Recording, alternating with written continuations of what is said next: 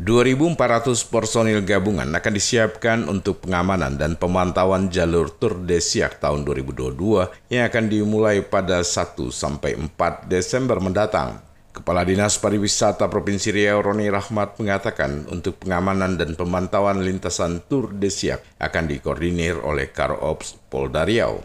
Personil gabungan yang disiapkan di antaranya TNI Polri, Dinas Perhubungan dan Satpol PP, di mana personil akan disiagakan di titik-titik yang dinilai bisa mengganggu balapan sepeda seperti di persimpangan dan lainnya. Eh, dari apa koordinatornya kan Pak Karo Ops langsung.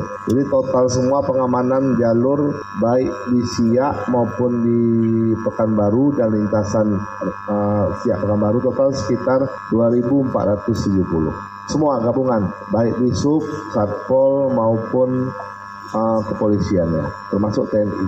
Jadi gabungan dikoordinir oleh Pak apa dari Polda Pak Karo. Selain itu, Roni juga mengimbau kepada masyarakat saat balapan sepeda berlangsung, hendaknya jangan masuk jalur karena akan membahayakan pembalap, begitu juga masyarakat. Prima Ermat, Tim Liputan Barabas melaporkan.